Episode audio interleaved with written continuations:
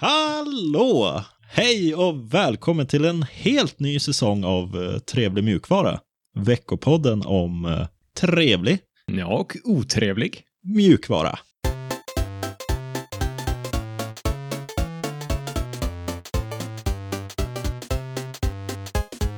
Mitt namn är Alexander och med mig har jag som vanligt Seb på andra sidan. Ja, det stämmer. Tjena. Hur är läget med dig? Det är bra. Skönt att vara tillbaka. Äntligen. Ja, det blev ju lite... Um, vår planering krockar ju lite där, så det är några dagar försenat. Men Ja. eh, Precis. Men det finns ju ett klassiskt uttryck där. fler dagar försenad, desto bättre. Den som väntar på något gott. Jaha, du Den tänker som på väntar den. på något trevligt väntar aldrig för länge. Ja, ja, trademark på den. Ja. Vad, um, vad har du haft för dig då sen årsskiftet? Jag har försökt eh, ta det lugnt. Ha semester. Eh, Trevligt. det är svårt att hålla sig borta från eh, datorn. Så är det ju. Ja, Och sen är det ju eh, nästan tvunget att hålla sig inomhus. Och där finns ju datorn. Så, så är det. mm, Men det har varit en bra, bra jul, nyår och ledighet. Firat hemma, varit väldigt lugnt. Få personer. ja, en sån där mönstermedborgare då. Ja, man försöker ju, får ju ta sitt ansvar liksom. Ja, Det tycker jag. ja, det försöker vi också. Det blir ju, man blir lite tokig när man stänger in sig med tre barn och, och en fru. Det Ja. blir ju lite, lite mycket under så lång period. Men det, det är väl snart över det här, hoppas jag. Ja, vi hoppas det. Ha, vad ska vi prata om eh, i det här eh, första avsnittet då? Denna veckan kommer vi börja med en lite större nyhet. Vi kommer snacka om Signal som eh, har gjort en eh, rekordresa, kanske. Eh, får vi höra lite mer om. Sen har vi en massa kort och gott eh, segment där vi kommer snacka om allt från eh, gaming på Linux till eh, Torvalds och eh, M1 Macbooks. Ah, Sen har vi en otrevlighet, en trevlighet och sen en uppdatering på hur våra utmaningar kommer se ut nu under säsong 6. just det. Men eh, först nyheter.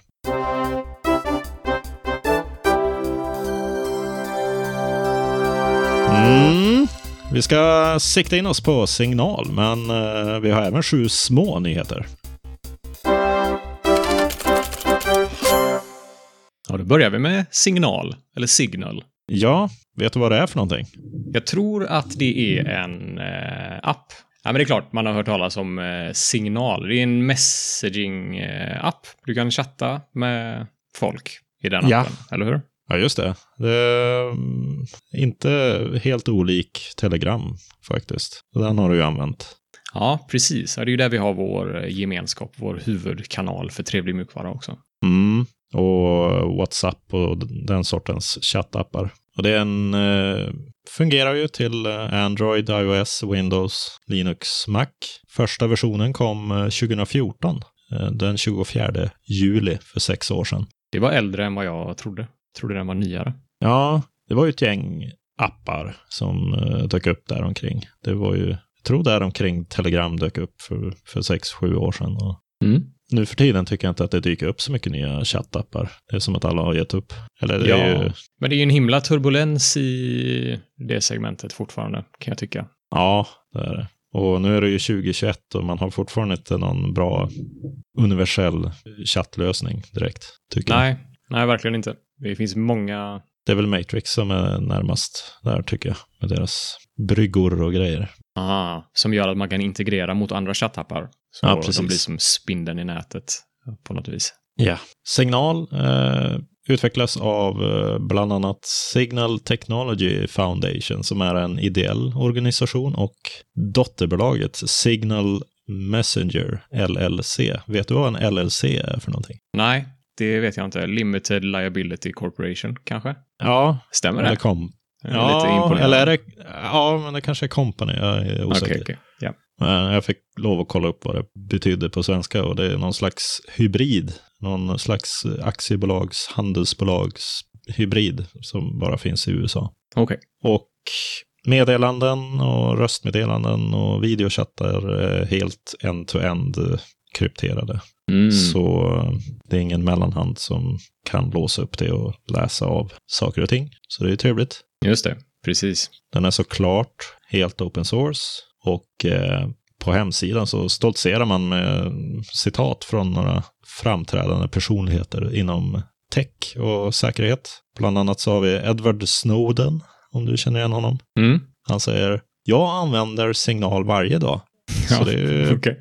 det är ett bra kvitto. Som en, eh, en, en reklamfilm. Sån här typisk eh, shampoo eller någonting. Ja, okej. Ja, sen har vi Jack Dorsey, om du känner till vem det är. Ja, Twitter-gubben. Ja, VDn, ja precis. Och han säger så här. Jag litar på signal. Dels för att den är välbyggd, men främst hur den är byggd. Öppen källkod, granskad av tredje part och helt finansierad av donationer och bidrag.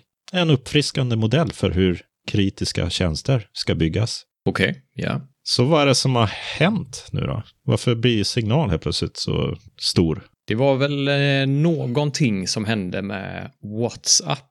Var det inte så?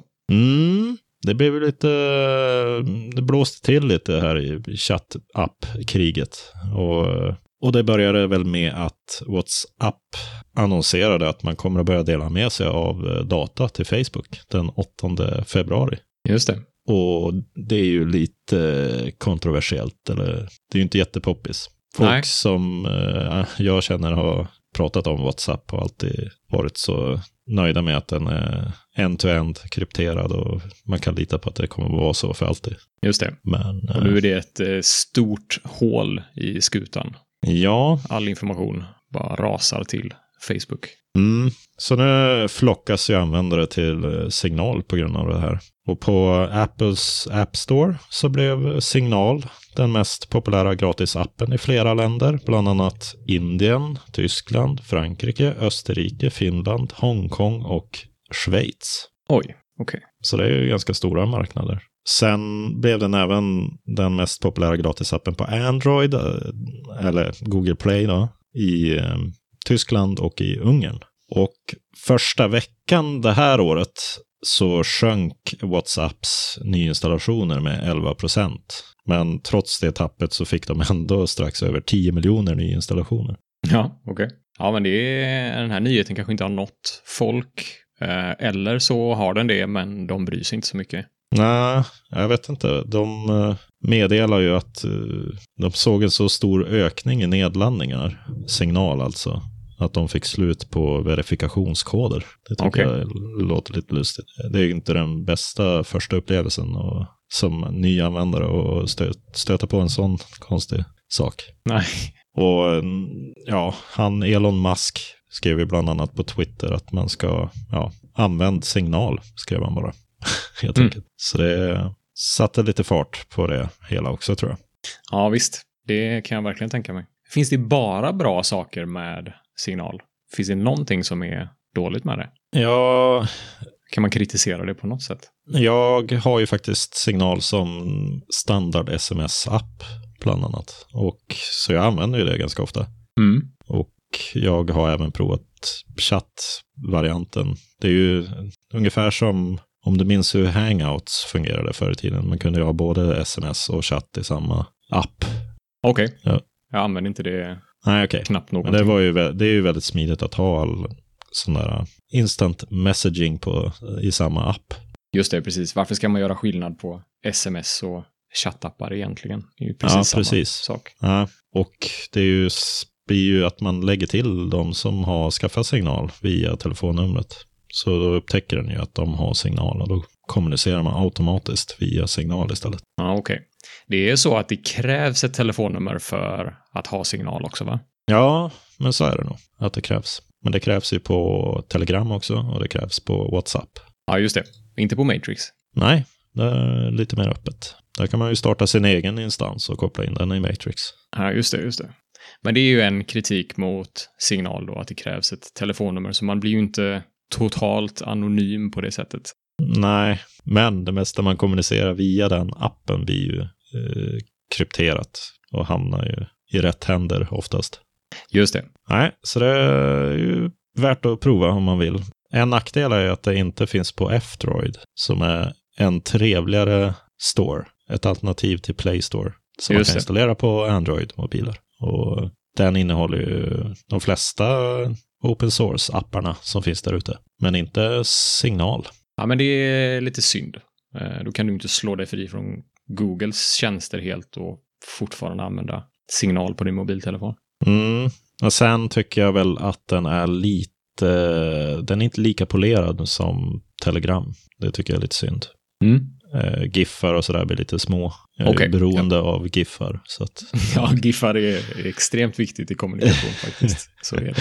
Ja. Ja, men eh, sammanfattningsvis verkar det ju vara en väldigt bra applikation. Men eh, Ja. det finns förbättringspotential kanske. Men det är ju bra att det gör det. ja, och det har förbättrats. Tidigare fanns det inte giffar eller stickers eller sådana saker. Utan nej. de, de kommer ju så småningom, verkar det som. Alla förbättringar man eh, förväntar sig av en modern chatt-app nu för tiden. Just det. Ja. Jag hörde att de jobbade på att arbeta bort eh, telefonnummerkravet också.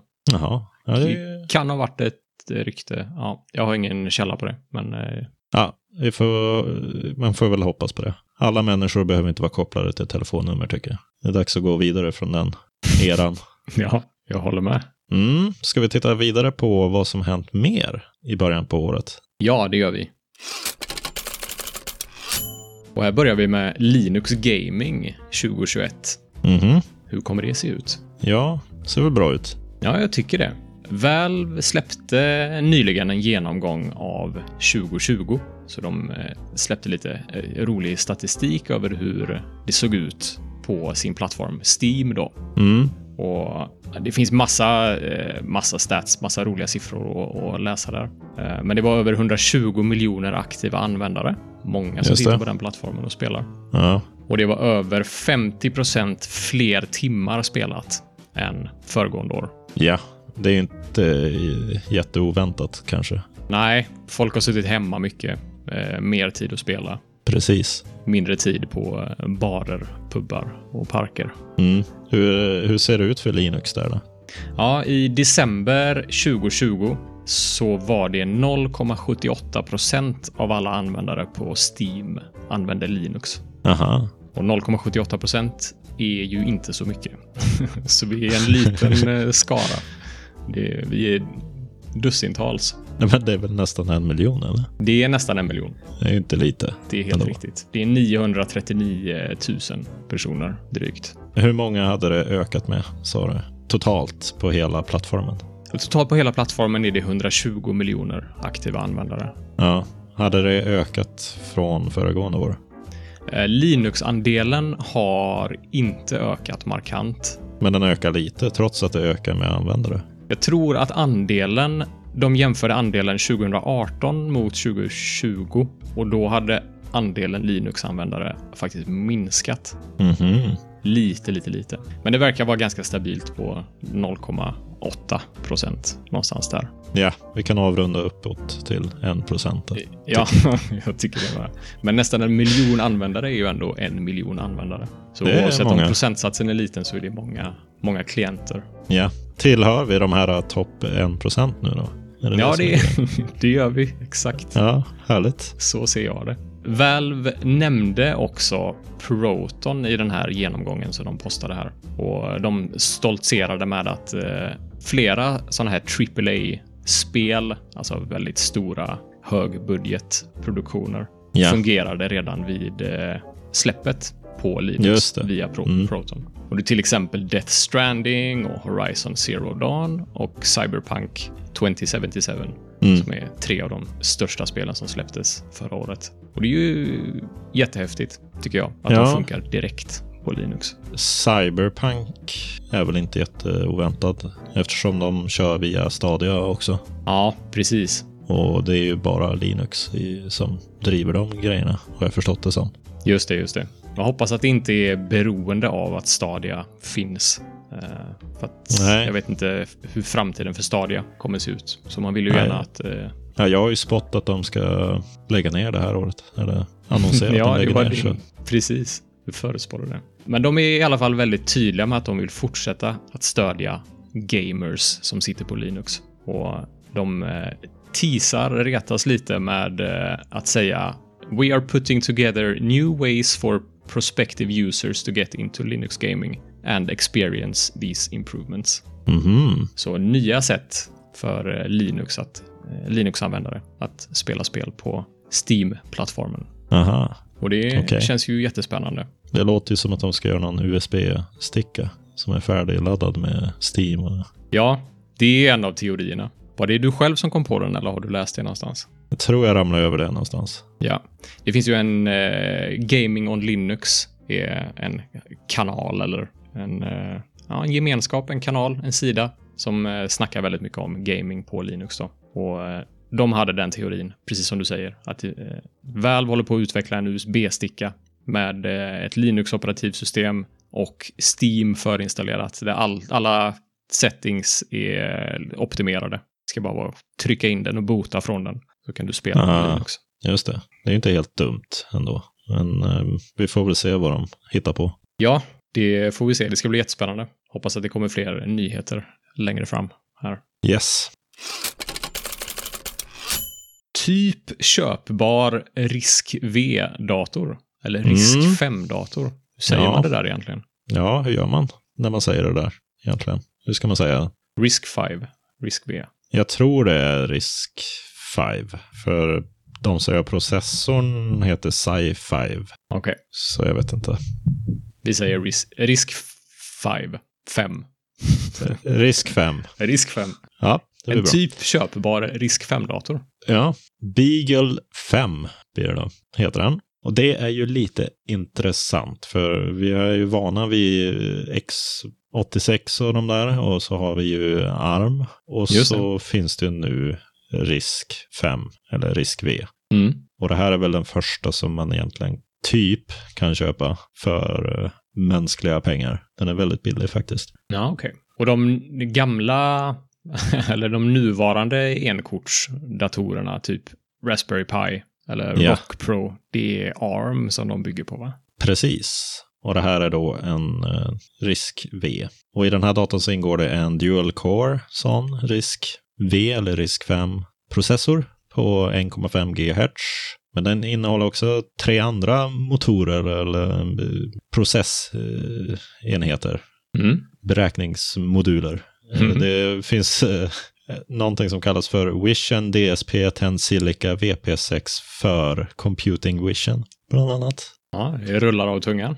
Ja, och en- en VDLA-motor också. Och en processor för neurala nät. Ah. Så om man tittar på hur Apple har gjort sitt M1-chip lite grann så är det här, det är lite samma tänk. Man har en generell processor och sen så har man ett gäng andra processorer runt omkring den som är specialiserade på olika uppgifter. Just det, och så bakar man ihop allting i ett chip och Mm, levererar precis. en, en stor klump. Ja, och den här datorn kommer med 4 GB eller 8 GB RAM, en gigabit Ethernet-port, fyra stycken USB 3-portar, en SD-kortsläsare som, eh, precis som på Raspberry Pi och sådana enkortsdatorer, man använder det för att starta operativsystemet ifrån det, eller det är där operativsystemet bor.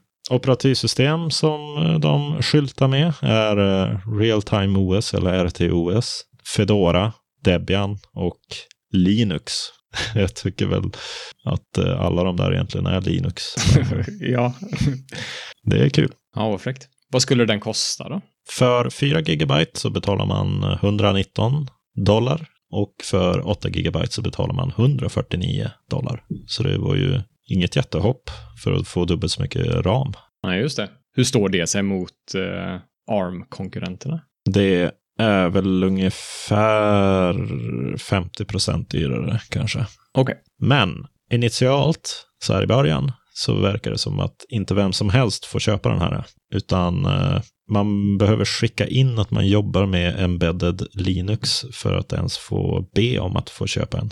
Ja, Så det okej. är ju lite, lite tråkigt. Men eh, det är väl bra att rätt personer får den i handen först så att de kan se till att Linux funkar på den ja, så bra det. som möjligt. Ja, det är ju säkert så att de inte har obegränsat med lager. Nej, det är en helt ny eh, typ av eh, arkitektur och så vidare. Så att, Mm. Vad är fördelarna med en RISC 5 jämfört med en ARM till exempel? Ja, det tycker jag vi kan djupdyka i, i något specialsegment här. Ja, men framöver. det låter intressant. Det gör vi. Jäm, jämföra de tre stora olika.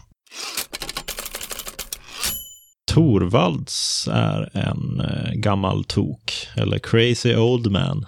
Ja, precis. Säger du i din titel här, så jag vet inte, det är inte mina ord.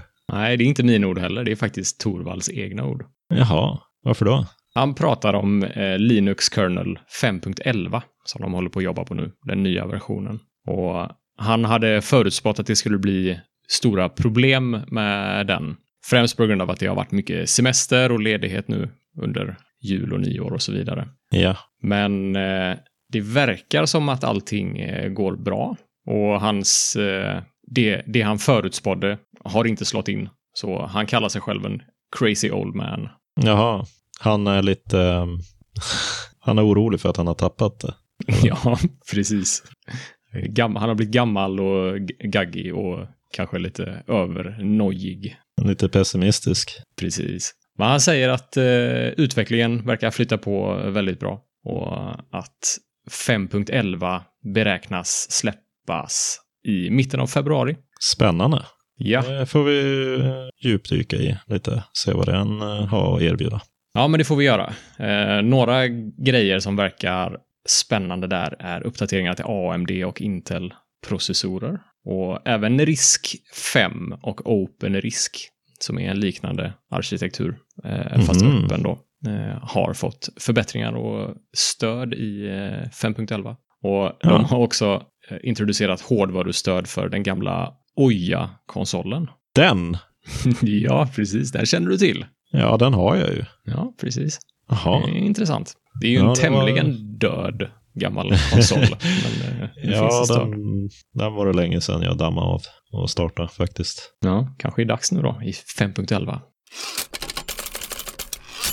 Wine 6.0. Ja, En Håll i ny hatten eh, nu då. stor version av Wine. ja, det är inte så mycket att säga om det egentligen. Du kan säga För jag- vad, vad är Wine? För de som inte vet. Det är ju den... Wine står ju för att wine is not an eh, emulator. Just det. Så ingen emulator, men något slags kompatibilitetslager. Ja, den kör eh, Windows-applikationer på Linux och även Mac. Just det. Så du kan ladda ner en eh, exe-fil som vanligtvis Ja. bara skulle funka på Windows och starta upp den på Mac eller Linux. Ja, precis. Schysst. Och 6.0 har ju varit under utveckling i ett år och den innehåller 8300 individuella ändringar. Mm. Jag undrar vad de menar med det. Är det commits eller? Ja, det är oklart. Eller är det bo bokstäver som har ändrats i koden? Ja, jag satsar på commits. Ja. Några större features som de tar upp det är att det finns en Vulkan-baserad renderare för Wine Direct 3D. Mm. Och eh, Vulkan är ju alltid trevligt. Det är ju, det är ju framtiden. Det vet ju alla, eller hur? Ja, ja, ja, ja. Du behöver inte Ja. övertala mig. Nej. Sen är det en uppdaterad Gecko-motor för webbrendering. Gecko är ju den som eh, Firefox bygger på. Mm. Och direkt show och annat stöd har fått komma in i 6.0. Och, ja, det, det rör sig framåt Ja, ganska fort i Wine. Det är ju egentligen ett gäng projekt som har lite olika mål. Till exempel eh, Proton. just det. Som är någon slags eh, branch av wine eller någon Ja, wine med lite extra krydda på. precis. Men alla de här samarbetar ju och det landar ju till slut oftast i Wine. Det är någon slags baslager för alltihopa. Just det. Så det är trevligt att se. Ja, jag kör ju, använder ju en del wine. Man vet nästan inte att man använder wine om man använder Proton till exempel. Eller Lutris är ju en annan sån game launcher. Ja. Där du kan installera saker och köra med wine. Mm. Eh, Men det funkar jättebra de allra flesta gånger. Det är lite mycket settings ibland kan jag tycka för att få saker att fungera. Eh, Men det Ja. jobbar de ju på hela tiden. Precis. I Lutris då. I Proton så är det ju bara att klicka och spela i princip. Oftast så är det så. Finns ju möjligheter att putta in settings där och bygga sin egen Proton-version och sådär. Just det. Mm. Men eh, målet är väl att eh, få bort all konfiguration. Mm. Arch. Använder du det? Ja, inte, inte Vanilla Arch, men jag använder ju Manjaro. Ja, någon slags eh, bas bastardiserad variant av Arch. Ja, enligt, enligt de som kör Arch. just det. Ja, jag kör ju också Manjaro. Jag gillar det. Ja. bra, bra grejer. Det är väl eh, noob-vänliga versionen av Arch, kanske. Ja. Eller en av dem.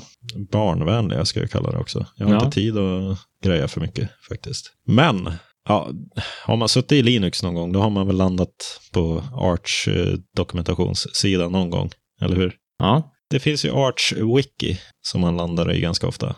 just det. Och det går i 99% av fallen att applicera på andra distributioner också.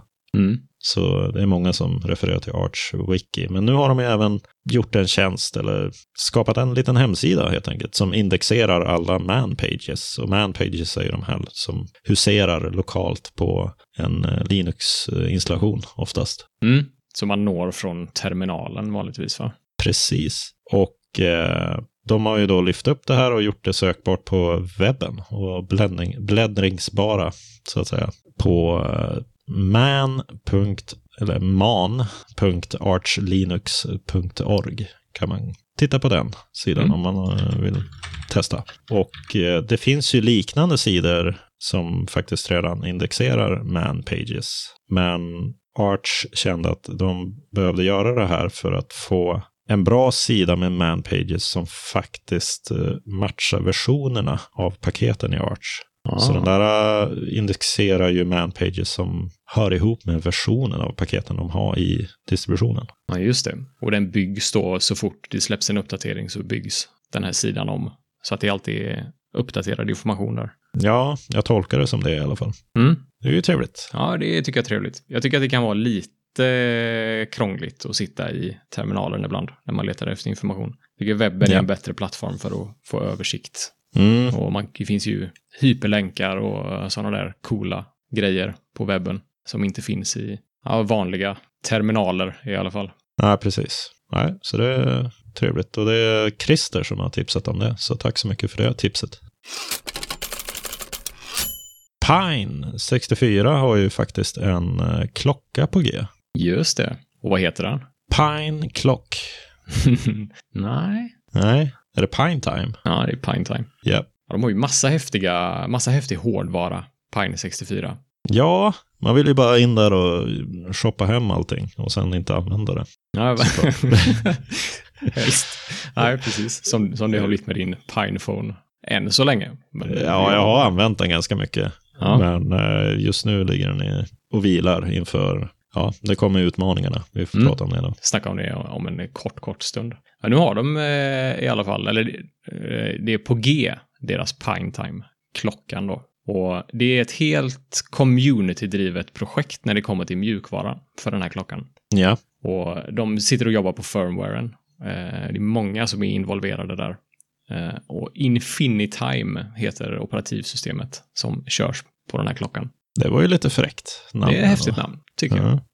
Det finns på GitHub om man vill gå in och hjälpa till med lite kod eller titta på hur det ser ut. Mm. Och det Kul. roliga här tycker jag är att gemenskapen har inspirerat och bestämt nästan allting i den här apparaten, i den här klockan. Aha. Så Pine 64 har gjort hårdvaran då eh, och så att säga varit någon slags spindel i nätet och försökt hålla i projektet. Men eh, mycket av jobbet är då gemenskapen som, som står för.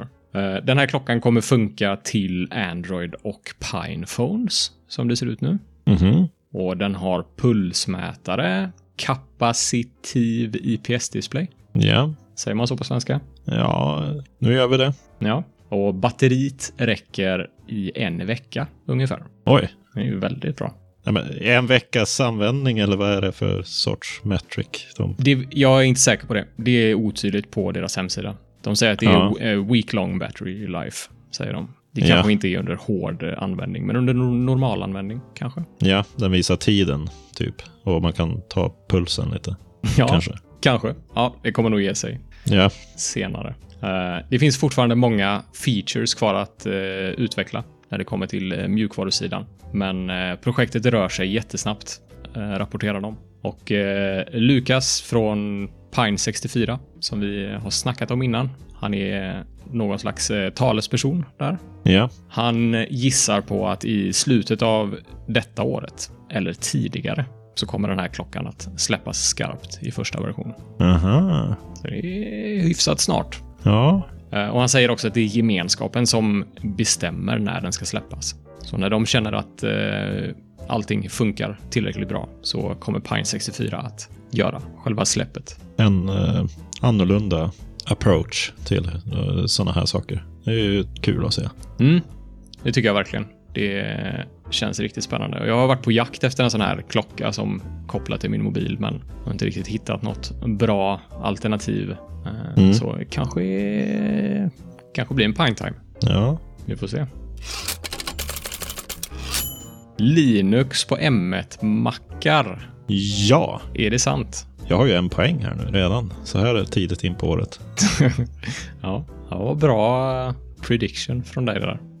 Det var lite väl tråkig, lite väl safe tycker jag. Du förutspådde att man skulle kunna köra Linux på eh, Apples nya M1-chip, eller Ja, på de mackarna. med, jag t- tog även med den här äh, brasklappen att man inte kanske får f- använda hårdvaran fullt ut. Just det. Och det återspeglar sig väl i den här lilla nyheten också. Mm.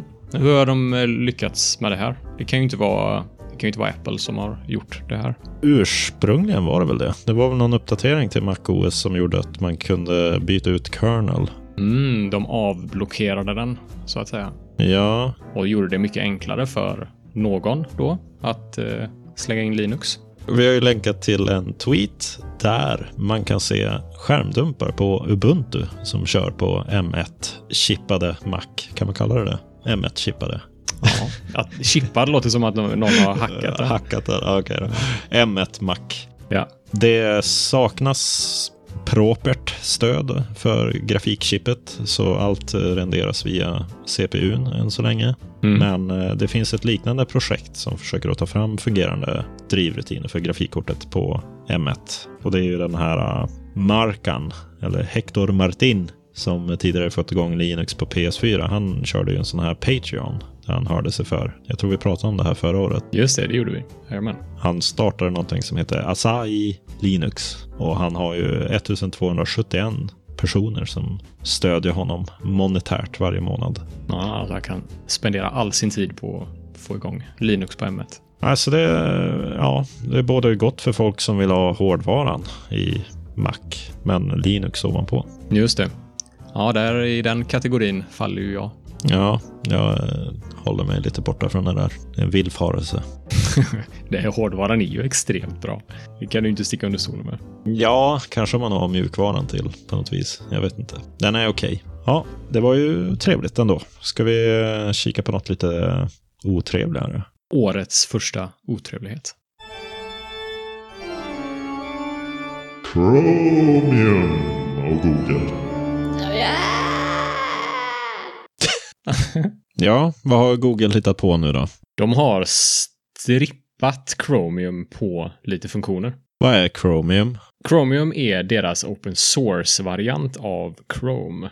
Så att det är som webbläsaren Chrome fast de har strippat bort lite Google-specifika funktioner och släppt den open source. Och det finns flera browsers som bygger på Chromium då. Som till exempel Brave eller Vivaldi.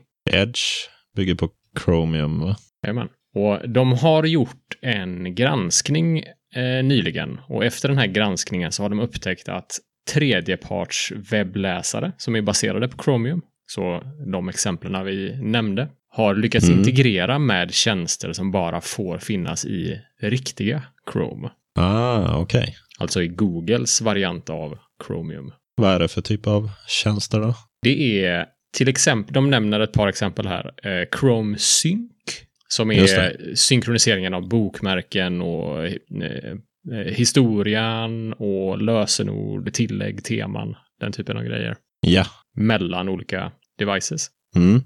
De nämner också click to call och någon eh, översättningsservice som är inbyggd i Chrome.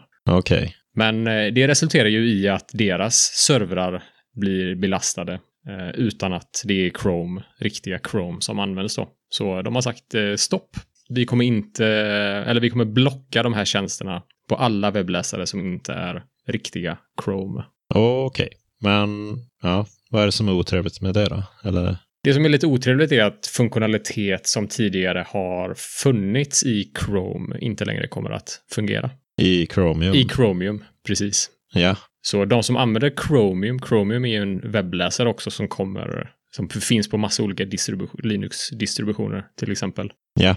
Kommer att tappa features. Och mest nämnvärt är väl den här sync-featuren då, skulle jag säga. just det. Det behöver man ju då hitta något alternativ till. Just det, precis. Men det är många av de här webbläsarna som har en egen sync-service. Så Brave har sin egna och Vivaldi har sin egna sync-service. Så Ja, de blir inte påverkade. ja just det. För ja, det är väl där omkring de börjar få fast folk och eh, erbjuda någonting annat. Mm, det är ett bra sätt att låsa in dem. Precis. Ja, då kanske det öppnar upp för något eh, trevligare alternativ till sync-service där man kan sätta upp något själv någonstans. Ja, men precis. Någonting som eh, kan funka i alla olika webbläsare.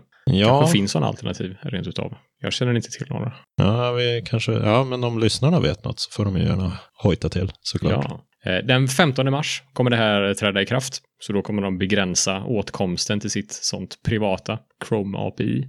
Mm. Eh, Datan som har synkats eh, fram tills dess kommer att ligga kvar, men inga fler uppdateringar kommer att ske då.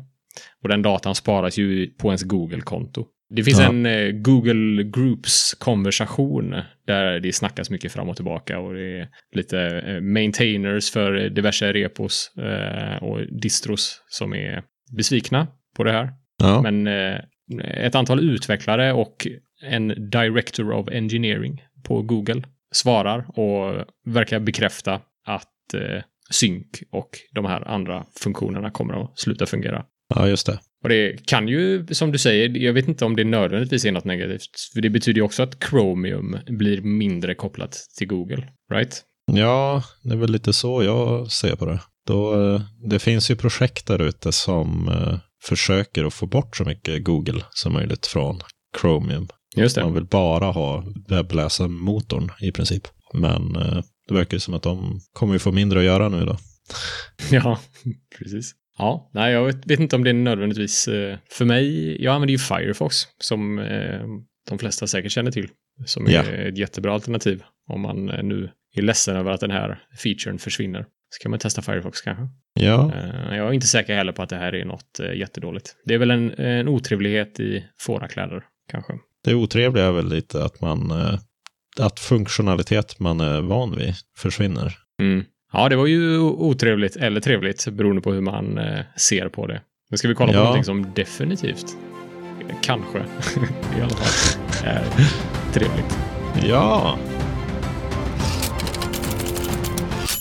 Och här ska vi snacka lite om Pop OS. ja, det är ju eh, de här eh, hårdvarutillverkarna som har tagit på sig mjukvarukläderna också. Ja, precis. Men de har väl hållit på i några år nu. Jag tror det är sedan 2017 eller någonting som eh, de håller på med Pop OS. Jag tror den första versionen var 1710 eller någonting. Så 2017 i oktober någon gång när kom första. Ja, just det. Ja, då har de hållit på ganska länge ändå. Men det, det har ju gått väldigt bra för dem. Och de har ju vuxit sig ganska stora. De dyker upp i mainstream, eh, eller mainstream, men inom Linux ganska stora kretsar. Ja, just det. Ja, den eh, fångade mitt intresse främst på grund av att jag kollade på hårdvara då. Så det är System 76 heter företaget som säljer laptops och eh, ja, olika typer av datorer som kommer eh, färdigladdade med Pop OS som operativsystem då. Mm. Och det såg så himla användarvänligt och lätt ut. Ja, Och det gillar ju jag när det är användarvänligt lätt men ändå eh, modifierbart med all styrka. Ja, det ska ju vara lite för power users, eh, utvecklare och gamers samtidigt typ. Har jag Ja, just det. som. Det säger de, ja. Precis. Hur som helst så har jag testat att installera Pop OS på min laptop nu. Vad är första intrycket då? Första intrycket är jättebra. Eh, jag har inte hunnit greja så mycket med det. Det kommer komma uppdateringar här i podden när jag har eh, utforskat lite mer. Mm. Kommer säkert stöta på något problem, det hoppas jag i alla fall. Eh, men hittills så har det varit, jag hoppas det på grund av att det är roligt att prata om. In, inte för att jag letar efter problem. Det lät lite konstigt, men jag förstår vad du menar nu. Eh, Men installationen var supersmidig. Eh, Det enda luriga var att jag hade, hela min partition var en BitLocker-partition. Eh, Och det klarar inte Pop OS eller installationsprocessen av att eh, eh, resiza. Jaha, Så okej. det var jag tvungen att göra från Windows. De eh, stoltserar ju ibland med den här, eh, att de har, det pratade vi om förra året, med kaklad eh, tiling-funktionalitet. Ja, precis. Har du provat på det någonting? Ja, det var det första jag aktiverade när jag hade installerat operativsystemet. För du har ju en bakgrund i Manjaro och i i3 va? Ja, precis. Nu är det senaste året drygt så har jag suttit i Manjaro och i3. Mm. Jag har blivit, ja, blir man van vid sån tiling window manager, kaklad fönsterhanterare, så är det ju svårt att gå bort från det, tycker jag. Ja, man blir lite skadad av det. Ja, det blir man faktiskt. Men det var superlätt att aktivera på PopOS. Det är en liten inbyggd meny i eh, toolbaren där längst upp. Aktivera Mhm. Tiling Window Manager och så kan man slå på eller slå av det beroende på vad man känner för för dagen. Fungerar den som man förväntar sig då? Ja, men det gör den. Den har i princip samma features som i3 har. Ja. Eh, och det enda skillnaden är väl att de olika skrivborden, man kan skapa flera skrivbord. Precis som man kan i i3. Just det. Eh, skrivborden har en vertikal layout istället för en horisontell. Hur, eh, du provade ju Elementary OS förra året. Mm. Det var väl din, eh, ditt första dopp i Linux. Ja, just det. Hur är eh, Polish i det här då jämfört med det? För de Äh. brukar ju stoltsera med att de ska vara så, ja, polerade. Polerade och snygga. Ja, visst. Jag tycker det här var minst lika bra. Jag tycker det här är snyggare. Alltså Mm. pe- personligen. Ja, Eh, Det är inte lika mycket sådär genomskinliga paneler. eh, Det är mer höga kontraster, eh, runda, mjuka hörn, lite skuggor. Ungefär som jag har valt att sätta upp mitt tema på Maniaro i3. ja, Så det, nej, jag gillar det. Jag gillar det än så länge. Så får vi se. Jag har inte försökt ändra så himla mycket. Det blir man ju sugen på att göra någon gång säkert. Ja. Ändra lite teman och sådär.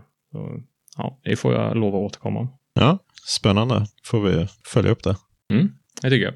Jag installerade på en eh, Lenovo-laptop. Och det första jag fick när jag bootade in i operativsystemet efter installationen var en firmware-uppdatering för min Lenovo hårdvara. Ah, bara ett eh, paket som jag fick ladda ner med de absolut senaste drivrutinerna till allting. Så den har identifierat att jag har en Lenovo-laptop, vilken laptop jag har och automatiskt ladda ner rätt grejer. Så det, var, det. kändes väldigt tryggt. Bara yes, nu kommer allting att funka.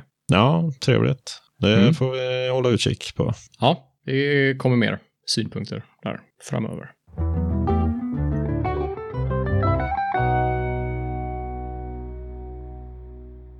Ja, vad har vi för utmaningar det här året, höll jag på att säga, den här säsongen?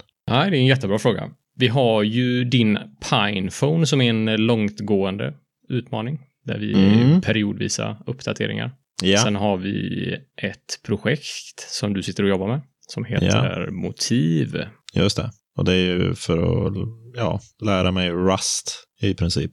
Men Just sen det. har det ju utvidgats till andra lite mer moderna teknologier som TypeScript och GraphQL och React. Så det är ju trevligt att laborera där och försöka sig på att bygga något slags alternativ till Google Photos. Just det. Fortsätta där, det går ju framåt, det är kul. Ja, roligt. Häftigt. Det finns på GitHub. kan man titta på om man vill. Utvecklarglädjen är ju fortfarande kvar, så det är ju positivt. ja, bra. När det gäller Pinephonen där så eh, har jag och Samuel bollat lite grejer fram och tillbaka på Macedon. Eller det är väl mest Samuel som har frågat mig om hur det går med Pinephone. Ja, hur går det då? Ja, Det är också en fråga från en lyssnare som heter Josefin. Vet jag. Hon undrar hur det går med batteritiden. Är den fortfarande inte optimal eller har det blivit bättre? den har ju blivit mycket bättre. Sen att den har lite stabilitetsproblem, typ när man har haft den i sovläge. Den ha- hamnar i någon slags djupsömnsläge efter ett tag. Och när Mm. man väcker den igen. Så på de operativsystemen som jag har kört så har det ju varit problem med att komma tillbaka på wifi bland annat. Ja. Men det är ju något som jag tänker att jag ska börja titta lite närmare på alternativen där ute. För det var ett tag sedan jag uppdaterade mig om vad det finns för operativsystem. Och det kommer väldigt mycket om eh, framsteg som har gjorts och, och nya distributioner och nya community editions som Pine 64 håller på att ja, jobba på. Mm. Så det, det händer ju mycket där. Så det gäller ju det jag säger nu, det kanske inte gäller om en vecka. Nej, just det. Samuel hade ju lite, han hade också börjat utforska hur man kan använda sin telefon, ringa på sin telefon på ett trevligare sätt. Eller hur? Ja, han har ju jagat lösningar som uh, gör att man egentligen man ringer via wifi, men man kan ringa vanliga telefonnummer.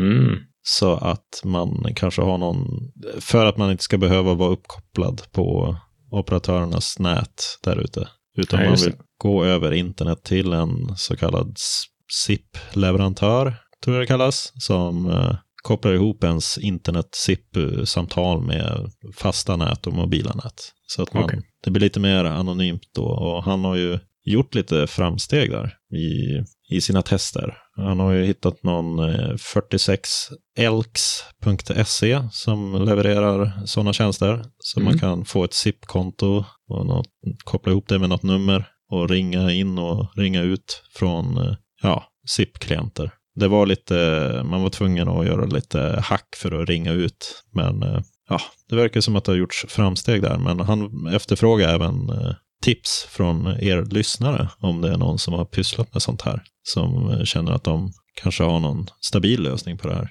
För han är inte helt nöjd än så länge. Och vi har länkat till hans blogginlägg där han går igenom hur han har löst det i mer detalj. Är man intresserad av det här så kan man ju absolut gå in där och läsa tycker jag. Mm. Ja, spännande. Det är en häftig, en häftig tanke. Att man inte, ja, då kan man göra sig av med sitt simkort, antar jag, i, i förlängningen. Ja, det är väl slutmålet, men då får man ju se till att ha wifi överallt eller någon, Ja, någon annan det. lösning. Men det kommer ju vara satelliter runt hela jorden snart ändå. Som Ja, det- kanske övervakar det också i och för sig. Eh, ja. Nej, men det, det är en tuff nöt att, att knäcka. För det här med operatörer och telefoni, det är något som är gammalt och eh, sitter liksom fast i teknologierna där. Ja, just det. Och, Och de vill ju inte förlora sin, sina marknadsandelar heller, så de gör ju det inte jättelätt att kringgå det här, kan jag tänka mig. men om någon har något tips så får ni gärna hojta till på oss eller på Mastodon. För det var där eh, Samuel hojtade till. Just det. Ja, fräckt. Och så en sista utmaning då, som eh, vi faktiskt eh, typ är halvt klara med. eller? Ja, men det får man väl säga. Det finns eh, grejer. Du, du har kallat det för elefanten i rummet. Det är det som är ju- nämns oftast från våra lyssnare. Ja, men det är ju konstigt att vi inte är på någon mer öppen chattplattform än eh, Telegram. Just det. Och eh, det stämmer ju inte riktigt, för vi finns faktiskt på Matrix. Och vi har en lyssnare där inne. Ja, han har hittat in. Det är ju du, Ja. och, jag, du och jag han som hänger där. Den har faktiskt funnits i, i skuggriket ett tag, den där Matrix-kanalen. ja, vi ville väl kanske sätta ihop lite mer brygger och, och få in eh, Telegramgruppen där på något vis. Men eh, jag tänker vi får, vi börjar så här. Mm. Så om man eh, känner sig mer bekväm via Matrix, att chatta via Matrix än via Telegram så är ni varmt välkomna in på. Ja, man kan väl söka i Matrix efter trevlig mjukvara så borde det dyka upp. Mm. Vi kan ju länka den här i avsnittsbeskrivningen också kanske. Ja, det gör vi. Eh, Men eh, ja, målet i framtiden är väl att koppla ihop åtminstone Telegram och Matrix då, så det blir sömlöst. Ja, vi får börja så här och så tar vi lite feedback. Ser vi vad vi tar för nästa steg. Excellente. Ja, nu kommer våra metautmaningar. Podcasten om podcasten. är det en meta-utmaning? Sa jag det? Ja. Mm, Ja, det kanske är lite utmaningsstyle. ja, vi ska ju försöka bli bättre i alla fall. Och Precis. lyssna, utvecklas och så vidare. Vi har en eh, ny kanal nu som vi publicerar vårt ljud på. Ja, Och det är YouTube. yes. Och där har du gjort ett hästjobb med att generera videos och klipp och thumbnails och alla möjliga coola grejer. Ja, när man väl började leka lite med det där så fastnade man ju. Så att nu har vi ju något slags eh, automatiserat. Det hänger ihop med samma skript som när vi producerar de här eh, ljudfilerna som ni lyssnar på via vanliga poddspelare. Den eh, splittar upp kapitlerna som vi har i ljudfilerna och så gör den videoklipp av det. Och så laddar vi upp några sådana beroende på vad de har för kvalitet om vi tycker att det är värt att göra det kanske. Just det. precis. Vi vill ju att så många som möjligt ska hitta till podden, såklart. Och det är också trevligt att kunna lyssna på den där man vill lyssna på den. Så det finns säkert de som föredrar YouTube när det kommer till att lyssna på grejer. Så då klart vi ska erbjuda det där också. Ja, ju, ju fler kanaler in, desto bättre tycker jag. Så är det. Sen finns det ju öppna, öppna alternativ till YouTube också. Ja, Vi har haft eh, lite, eh, har inte riktigt funkat som vi vill. Det har nej, lite höga krav och det är lite krångligt att finnas på, eh, speciellt, eh, vad heter den plattformen? Library, eller. Lebry. Libry. Ja. Konstiga grejer man måste ha ett visst antal prenumeranter innan man kan synka videos mellan YouTube och Libry. ja, den känns mer eh, riktad till de som är stora på YouTube, som vill lämna YouTube. Mm. Det är lite synd, för det hade Ja. vi kunnat eh, bidra med content på den plattformen. tycker jag de ska vara tacksamma för. Men eh, ja, ja. Ja. Sen finns det ju PeerTube, men där måste vi välja en in instans och det har vi inte riktigt tagit oss i kragen och gjort än. Nej. Men eh, om lyssnarna har något förslag på någon trevlig instans så kan vi ju absolut tänka oss att kika på det. Mm. Det blir lite dyrt att hosta sin egen där, va? Det är ju många megabytes som flödar när det kommer till videos. Det är kanske någon lyssnare som vet ungefär vad det blir för kostnad. Just det. Får ni ju hojta till. Ja. Sen vill vi avsluta metasegmentet med att tacka alla superhjältar som har hjälpt till att donera och hjälpa oss. Vi fortsätter på superhjältespåret då. Ja, Ja, jag är inget fan av eh, superhjältefilmer och sånt, men visst. nej, du är fan av våra superhjältar. Ja, det är jag faktiskt. Ja. Nej, men tack så mycket. Det gör ju mycket. Det, man blir ju lite varm i hjärtat och sådär. Ja, verkligen. Det är superroligt. Det var all trevlig Och otrevlig. mjukvara vi hade för denna veckan. Hör gärna av er till kontakt trevligmjukvara.se. Eller gör som alla andra gör. Joina Telegram eller Matrix då. Ja, För att hänga med oss och snacka, snacka coola grejer. ja, vi finns även på eh, GitHub. Där kan man ju få lite sneak peek ibland på vad vi har på G i avsnitten. Ah, precis. Och är man intresserad av de här produktionsskripten och videoproduktionen och hur vi gör det där så finns ju allt, allt sånt där. Mm. Och så donationsplattformen är LiberaPay. Ja, och Mastodon var nog det sista. Ja, och Twitter. Och Twitter, just det. Jäklar Ja. många ställen. Ja, vi, och YouTube nu. Ja, just det. YouTube. Precis. Ja, Oj, oj, oj. Ja, det är bra. Det är Yes. en rostig avslutning, men det var första avsnittet för året. Så det får vara okej. ja, det kommer bli bättre. Då hörs vi nästa vecka. Ja, det gör vi. Trevlig mjukvara på er. Trevlig mjukvara.